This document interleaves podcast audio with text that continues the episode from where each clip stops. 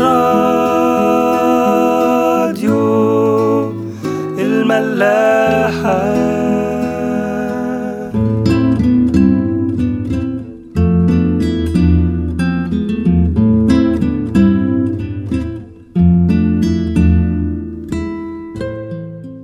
مساء الخير واهلا بيكم في حلقة جديدة من عيش وملح.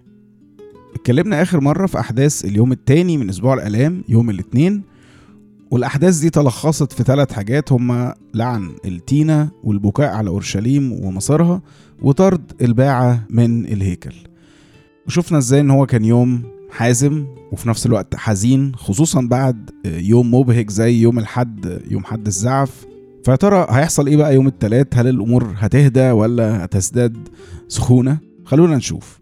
أول موقف هنقراه هو موجود في متى 21 ومرقس 11 بس إحنا هنقراه من مرقس 11 عدد 20 21 وفي الصباح إذ كانوا مجتازين رأوا التينة قد يبست من الأصول. فتذكر بطرس وقال له يا سيدي انظر التينة التي لعنتها قد يبست. يمكن الحتة دي متوقعة خصوصا اننا يعني كنا في آخر حلقة سبقنا الأحداث واتكلمنا بقى عن مصير التينة الملعونة دي. وهو كفاية أصلا يعني المسيح يلعنها. بس يمكن اللي ما كانش متوقع إنها تجف تاني يوم. يعني عادة بنحس إن حكم ربنا خصوصا يعني على الظالم أو المرائي يعني هياخد وقت شوية. وفي حتت كتير في الكتاب يقول لنا إن الرب رحيم ورؤوف بطيء الغضب. وطبعا يعني ده حقيقي هو مش متناقض مع لعن التينة بالعكس. ده إحنا لو ركزنا شوية هنلاقي إن اللي حصل ده يا إما هينتج عنه تقوية الإيمان أو الإنكار التام. حد يقول طب الإنكار أو الدينايل مفهوم يعني في الأوقات دي معظم الناس خاصة الغير مؤمنين هيقولوا يعني اللي حصل ده كان صدفة أو هي عمرها كده بس المؤمن المفروض يشوف كده هو هيخاف. فإزاي بقى الخوف ده هيدعم الإيمان أو يقويه ده يعني يوحنا بيقول كده في رسالته الأولى صح 4 عدد 18 لا خوف في المحبة بل المحبة الكاملة تطرح الخوف إلى خارج لأن الخوف له عذاب. وأما من خاف فلم يتكمل في المحبة. فيعني إيه بقى اللخفنة دي؟ لا مفيش لخفنة ولا حاجة. ويمكن حتى إحنا كنا تطرقنا للموضوع ده كتير قوي في العهد القديم وفي مواقف ربنا كان بيتخذ فيها إجراءات حاسمة وحازمة وأحيانا بتكون فورية مع ناس بتستهون بقداسته أو بطولة باله. وكنا كل مرة بنوصل لنفس النتيجة. إن اولا الناس اللي بيحصل معاها كده ده مش معناه ابدا إن هم هلكوا. إنما دول زي أي حد بيعمل جريمة وبياخد جزاءها. حتى لو وصل الجزاء ده للإعدام. بس في الآخر خلاص الشخص من هلاكه ملوش علاقة بطريقة موته. بالعكس ده على الأقل هو بوضوح دفع تمن جريمته ايا كانت هنا على الأرض. الحاجة التانية بقى واللي هي في صميم موضوعنا إن وجود أحكام حاسمة وسريعة بالشكل ده بيقوي ناس كتير قوي بتبقى على حافة السقوط. يا إما بسبب يأسهم إن ربنا ما خدش بحقهم أو الأوحش بقى إن ربنا مش شايفنا بقى ولا حاسس بينا ولا موجود أصلا. ما هو لو ربنا موجود إزاي مش بياخد موقف؟ في الظلم البين ده. ففي حالة الشجرة بقى هنا المسيح حتى محبش يعني يلعن أي حد من المقاومين ليه إنما يعني لعن شجرة في الأول وفي الآخر. يعني حاجة يعني ملهاش روح زينا ولا خلاص وهلاك. إنما هو عمل كده عشان برضه يظهر نظرة ربنا تجاه أي مرائي مليان ورق على الفاضي زي الشجرة دي. ونبتدي بقى نفهم أكتر إن ربنا مش فارق معاه شكلك إيه قدام الناس. هو فارق معاه قلبك والثمر اللي جواك حتى لو مفيش حد شايفه. وعلى العكس أكتر حاجة بتزعل ربنا وبتحطنا في موقف العداوة معاه هي المرائية واللي طبيعي أساسها الكبرياء والعناد مع ربنا وزي ما بيقولوا كده يعني العند بيولد الكفر. والكلمة دي فعلا حقيقية لأنه العناد ده بيؤدي إلى حاجتين يا إما إن ربنا مش موجود أصلا يا إما ربنا موجود وهو يعني حد مش كويس فأنا قررت إن أنا أعند معاه وأقاومه وأواجهه. ودور كده بقى في كل كتاب على أي آيات أو أمثلة أو مواقف في السكة دي هتلاقي دايما وراها الكبرياء على ربنا ونعمته. وعلى العكس بقى عمرها ابدا ما هتحصل في وقت الوقوع في أي خطية مهما كانت كبيرة أو كتيرة. فعشان نفهم اللي حصل مع الشجرة دي بشكل صح نفهم إنه ده مش إرهاب للخاطي إنما هو زي ما قلنا كتير توضيح أو مانيفستيشن لحالة المتكبر وعلاقته هيبقى شكلها إيه بربنا. رد بقى المسيح قال إيه على الكلام ده؟ نكمل أعداد 22 ل 24 فأجاب يسوع وقال لهم ليكن لكم إيمان بالله. لأني الحق أقول لكم إن من قال لهذا الجبل انتقل وانطرح في البحر ولا يشك في قلبه بل يؤمن إن ما يقوله يكون فمهما قال يكون له. لذلك أقول لكم كل ما تطلبونه حينما تصلون فآمنوا أن تنالوه فيكون لكم. يعني أنا ما أعرفش بطرس كان إيه رد فعله في الكلام ده بس أعتقد لو أي حد فينا هو اللي اتقال له الكلام ده هيحس يعني على طول كده بال بالفخر وبالعزوة. يعني أنا عايز شوية إيمان وأبقى سوبرمان. عادي بقى أشيل جبال وأرميها في البحر. فيعني كلام كبير. بس حد هيقول له لا. ما هو الكلام ده أنت أصلك أول مرة تسمعه. إنما هو مش أول مرة يتقال. كان في زيه كده في لقا 17 6 على الجميزة.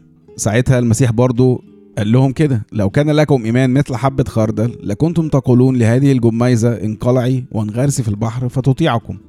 وساعتها بقى كنا قلنا إن شجرة الجميز دي بتشير لكل الزلات والعقد وال traumas اللي هي بقى متأصلة أو rooted جوانا. فلو راعينا حبة الإيمان اللي هي قد الخردل دي جوانا هنعرف إحنا كمان مع الوقت ننتزع بقى كل الزلات والخطايا اللي إحنا شايلينها على كل الناس دي ونرميها في البحر وتتنسي. زي بقى ما ربنا نفسه بينسى خطايانا. في ميخا 7 19 يقول لنا كده يعود يرحمنا يدوس آثامنا وتطرح في أعماق البحر جميع خطاياهم. فبقى يعني الجبل ده ممكن نعتبره زي الجميزة مش فارقة. واللي بيدعم بقى الفكرة دي أكتر هو اللي برضه المسيح بيقوله في باقي كلامه. هنلاقيه بيقول كده في أعداد 25 و26 ورا الكلام ده على طول. ومتى وقفتم تصلون فاغفروا إن كان لكم على أحد شيء. لكي يغفر لكم أيضا أبوكم الذي في السماوات زلاتكم. وإن لم تغفروا أنتم لا يغفر أبوكم الذي في السماوات أيضا زلاتكم ويعني طبعا مش محتاجين بقى نحكي في سلطان المغفرة وإن إحنا لما ما بنغفرش كمان للناس ده بيأثر فيهم إزاي؟ لأن إحنا يعني قتلنا الموضوع ده بحثا واتكلمنا فيه كتير وأنا قلت يعني مش هتكلم فيه تاني. فيا ريت يعني ممكن ترجعوا بقى للحلقات اللي بتتكلم في الموضوع ده عشان نشوف ليه المسيح دايما بيصمم إن هو يأكد علينا في وقت الصلاة إن إحنا نغفر لأي حد ليه عندنا حاجة. وفي الحقيقة هو مش هو ده اللي إحنا عايزين نركز عليه أو يستوقفنا إنما اللي بيتقال في عدد 24 إن كل اللي هنطلبه في الصلاة نآمن انه هيحصل. وبرضه على فكرة في متى 21 22 نفس الكلام. يقول كده وكل ما تطلبونه في الصلاة مؤمنين تنالونه. آه صاحبنا بقى بتاع سوبرمان هيرجع تاني بقى دلوقتي يقول لك خلاص مش مهم أنا مش عايز أنقل جبال ده أنا كده هبقى ساحر بقى. أي حاجة هطلبها في الصلاة هاخدها. لأنه أهو كلام باين. كل حاجة هطلبها في الصلاة هتجيلي. ماشي صح بس خد بالك إن في شرط. هو قال لك مؤمنين. طيب ماشي إيه المشكلة؟ أنا مؤمن. ولا بقى هتقعد بقى تقول لنا لا الإيمان ده رحلة وشجرة وبتاخد سنين عشان تكبر. زي ما قلت في المثل بتاع حبة الخردل. فخلاص بقى بص فاك الصلاة لأنه في الآخر عمرنا ما هنوصل المرحله دي. لا واحدة واحدة بس. أنا بقول آه إن الإيمان ده رحلة وشجرة بتاخد وقت. بس ما قلتش إن الإيمان ده مش بيبدأ من أول يوم زرعت فيه الشجرة دي وهي حتى أصلا لسه حبة خردل بذرة مش باينة في الأرض. طب إيه يعني نطلب عادي؟ آه طبعا تطلب عادي. وأي حاجة زي ما يسوع بيقول لنا. وشرط الإيمان اللي المسيح حطه ده مش عشان يعقدنا في الصلاة. لا بالعكس. ده هو أصلا الطلبات دي هي اللي بتخلينا نفضل نصلي. أي اشتياقات ربنا بيحطها جوانا سواء جسدية أو روحية هي عشان نفضل في علاقة مستمرة معاه. وآه يمكن المسيح كان كلمنا إزاي بقى نصلي ونطلب إيه؟ يعني مثلا في متى 6 أعداد 31 ل 33 يقول لنا كده فلا تهتموا قائلين ماذا نأكل أو ماذا نشرب أو ماذا نلبس فإن هذه كلها تطلبها الأمم لأن أباكم السماوي يعلم إنكم تحتاجون إلى هذه كلها. لكن اطلبوا اولا ملكوت الله وبره وهذه كلها تزاد لكم. ماشي يعني نطلب طلبات روحية وبس؟ طيب أنت كده بقى بصراحة رجعتنا تاني لمربع صفر. لأن واحد يقول لك أنا معظم طلباتي إن ما كانتش كلها هي طلبات جسدية. وأنا بصراحة بقى مش في حالة عقلية أو نفسية تخليني رايق للدرجة إني أطلب طلبات روحية. واستنى بقى اللي ربنا هيجود بيه بقى في حياتي الجسدية. واحد بقى كمان هيقول لك لا بقى هو بصراحة أكتر أنا شايف إن ده ذل ولعب بالألفاظ. يعني يقول لنا اطلبوا كل حاجة وهتحصل. وبعدين نقعد نحط بقى شروط مستحيلة إننا لازم نكون مؤمنين ايا كان بقى شكل الإيمان ده هيبقى إيه. أو إننا لازم نطلب طلبات روحية ونقبل اللي هيجيبه ربنا كده كده عشان ده بقى لمصلحتنا. طب خلاص بقى ما تقولناش بقى نصلي ونطلب عشان في الآخر ربنا هيعمل اللي هو عايزه. أو بلاش عايزه اللي هو شايفه صح. مش كده؟ خلونا ناخدها كده واحدة واحدة. شرط الإيمان الأول. كلمة مؤمنين دي. هو يعني إيه مؤمنين؟ مؤمنين بإيه يعني؟ مؤمنين ربنا موجود ولا مؤمنين هو يقدر يعمل الحاجة اللي إحنا نطلبها في رسالة يعقوب 2 19 بيقول كده أنت تؤمن أن الله واحد. وممكن تحط بقى ورا واحد دي يعني حاجات كتير تانية. أنت تؤمن أن الله قادر أو إن هو ضابط الكل فوق كل شيء. ماشي تمام نكمل بقى. بيقول لك حسنا تفعل. بس إيه؟ والشياطين يؤمنون ويقشعرون ما هم برضو الشياطين عارفين إن ربنا فوق كل حاجة وضابط الكل ويقدر يعمل أي حاجة في الدنيا. إيه الفرق؟ فأكيد مش ده الإيمان اللي يسوع عايزه يكون عندنا في علاقتنا مع ربنا. إنما هو زي ما قلنا كتير الإيمان بمحبة وصلاح وحكمة ربنا. وعشان نبسطها أكتر الإيمان بأول حاجة بنقولها في الصلاة الربانية اللي يسوع علمها لنا اللي هي إنه أبونا. فأبوك بقى اللي هو كل شغله وتعبه وتفكيره واشتياقه أصلا إنه مش بس يبسطك لا ده يطيرك فوق السحاب. فهل ده بقى الإيمان اللي بيبقى عندك وأنت بتطلب حاجة من ربنا؟ ولا يعني بترمي الطلبات بتاعتك كأنك بترميها كده في صندوق اقتراحات في في مجلس الوزراء أو يعني حتى بترميها في أي مطعم؟ جت جت ما جاتش أنا عارف أصلا مفيش حد هيقراها. لا والأوحش كمان بقى إن لو اللي أنا عايزه ده ما اتحققش أنا كده كده عندي خطة بديلة يعني بلان بي ده هو أصلا بقى ربنا لو عمل لنا أي حاجة وإحنا بالإيمان ده يبقى هو بيضرنا. لاننا كده كده حاسين ان الموضوع عشوائي يا نصيب أو يعني لوتري بنقدم عليها. يمكن تضرب ربنا يعمل لنا اللي إحنا عايزينه. لا يا جماعة ده مش إيمان ده حظك اليوم. ولو إحنا عندنا الإيمان إن ربنا اللي بنطلب منه ده فعلا أبونا هنفهم بقى الجزئية التانية اللي إحنا اتكلمنا فيها كلام المسيح عن الطلبات الجسدية والروحية. مش انه هو مش مهتم بالطلبات الجسدية إنما إنه فعلا عيب إننا نطلبها. يعني تخيل كده أنت ملياردير وعيالك قايمين نايمين قلقانين إن أنت مش هتفطرهم بكرة أو إن أنت مش هتلبسهم هدوم عليها القيمة أو إن أنت هتقرر فجأة تنيمهم في الشارع. حاجة تضايق صح؟ آه يعني ممكن في وقت تقرص عليهم شوية وتبعتهم كامب كام يوم ولا توديهم خدمة في منطقة فقيرة عشان يتعلموا ويشوفوا الناس التانية عايشة إزاي ويطلعوا بره نفسهم. بس ده ما غيرش الحقيقة إن هم في الآخر برضو عيالك ومش هتجوعهم ولا هتهنهم فلو انت بقى دلوقتي مستوعب الكلام ده تخيل بقى ربنا نفسه هيعمل إيه؟ وكأن بقى المسيح بيكمل كلامنا ده في متى؟ 7 13 يقول لنا كده فإن كنتم وأنتم أشرار تعرفون أن تعطوا أولادكم عطايا جيدة فكم بالحري أبوكم الذي في السماوات يهب خيرات للذين يسألونه.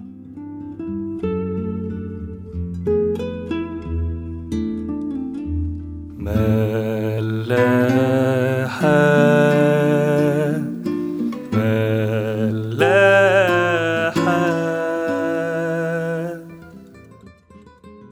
معلش أنا برضو يعني في حاجة حابب أنوه ليها. ال dialogue اللي أنا بخترعه في الحلقة ده أو أي حلقة يعني يا جماعة مش عايز حد يحس منه اني يعني راجل عندي كل الإجابات وخلاص بقى عديت ورقت فبتكلم بقى من فوق. لأنه أكيد ده مش حقيقي. ال dialogue ده هو اللي بيحصل جوايا زي ممكن يحصل جوه أي حد فينا. أنا اللي ممكن أعمله هو إني أشارك بالردود اللي أنا مآمن إنها من ربنا. وإن أنا لما مشيت ورا الردود دي اختبرت صحتها. وده يعني اللي هو الطبيعي بقى أي حد بيسمع كلمة ربنا وبيختبرها في حياته إنه يعمل كده ويشارك التجربة دي مع ناس تانية. يعني خلونا نتخيل كده حاجة خلونا نتخيل إن إحنا في مكان فيه آه، مليون واحد تمام؟ واقفين كلهم ماسكين شمعة. شمعة يعني مطفي. فلو واحد بس معاه شمعة والواحد ده هيولع شمع الاتنين بس والاتنين دول كل واحد هيولع الاتنين بس عارفين ده هياخدنا كام خطوة علشان نولع لمليون واحد؟ عشرين خطوة. يعني عشان حدش يتوه. لو افترضنا كده إن كل خطوة إنك تولع شمعتين دي هتاخد خمس ثواني يعني المليون دول هيتولع شمعهم في 100 ثانية يعني أقل من دقيقتين. ده تأثير أي حد فينا لما بيختبر الإيمان ويتكلم عنه لحد تاني. طيب إيه ماشي بقى عايز إيه بقى من ده كله؟ اللي عايز اقوله يعني ان الايمان مش مرحلة بنوصل لها وساعتها بنبتدي نتكلم عنه وننشره بين الناس. لا هو برضو من أول يوم بنآمن ونختبر حاجة حلوة مع ربنا. هي مش بس لينا أو عشان تنور يومنا إحنا بس. لا عشان ننور بيها حياة ناس تانية. شمعها كانت طفى. ودي بقى أكبر علامة هتكون عندنا إن إيماننا ده حي ومستمر وما اتطفاش. وده بقى اللي يعقوب بيقوله في رسالته قبل الآية اللي إحنا قريناها. أنا لكم بقى الحتة كلها على بعض هي من يعقوب 2 أعداد 14 ل 19 ما المنفعة يا إخوتي إن قال أحد إن له ايمانا ولكن ليس له أعمال؟ هل يقدر الإيمان أن يخلصه؟ إن كان أخ واخت عريانين ومعتزين للقوت اليومي. فقال لهم أحدكم امضي بسلام استدفئا واشبعا ولكن لم تعطوهما حاجات الجسد فما المنفعة؟ هكذا الإيمان أيضا. إن لم يكن له أعمال ميت في ذاته لكن يقول قائل أنت لك إيمان وأنا لي أعمال. أرني إيمانك بدون أعمالك وأنا أريك بأعمالي إيماني. وبقى الآية اللي إحنا قريناها في الأول أنت تؤمن أن الله واحد حسنا تفعل والشياطين يؤمنون ويقشعرون. آمن واطلب اللي أنت عايزه بس وأنت عارف بتطلب من مين. ولما الحاجة اللي طلبتها دي تجيلك آمن واشكر ربنا عليها عشان هو اللي اداها لك مش جاتلك بالحظ. ولما تشكره بقى بينك وبينه آمن إنها مش بس ليك بس الناس تانية إنها تعرف ده وتآمن وتجرب هي كمان حياة الصلاة مع ربنا. يعني بذمتك كده كام مرة حد جالك عنده مشكلة أو طلبة وقلت له يجرب يصلي؟ ومش عشان ده آخر حل إنما عشان المفروض يعني يكون ده أول وآخر حل. لأنه لو الحاجة دي ما جاتش من إيد ربنا يبقى في داهية صح؟ أنا عارف إن هو مش صح نشوفكم الحلقة الجاية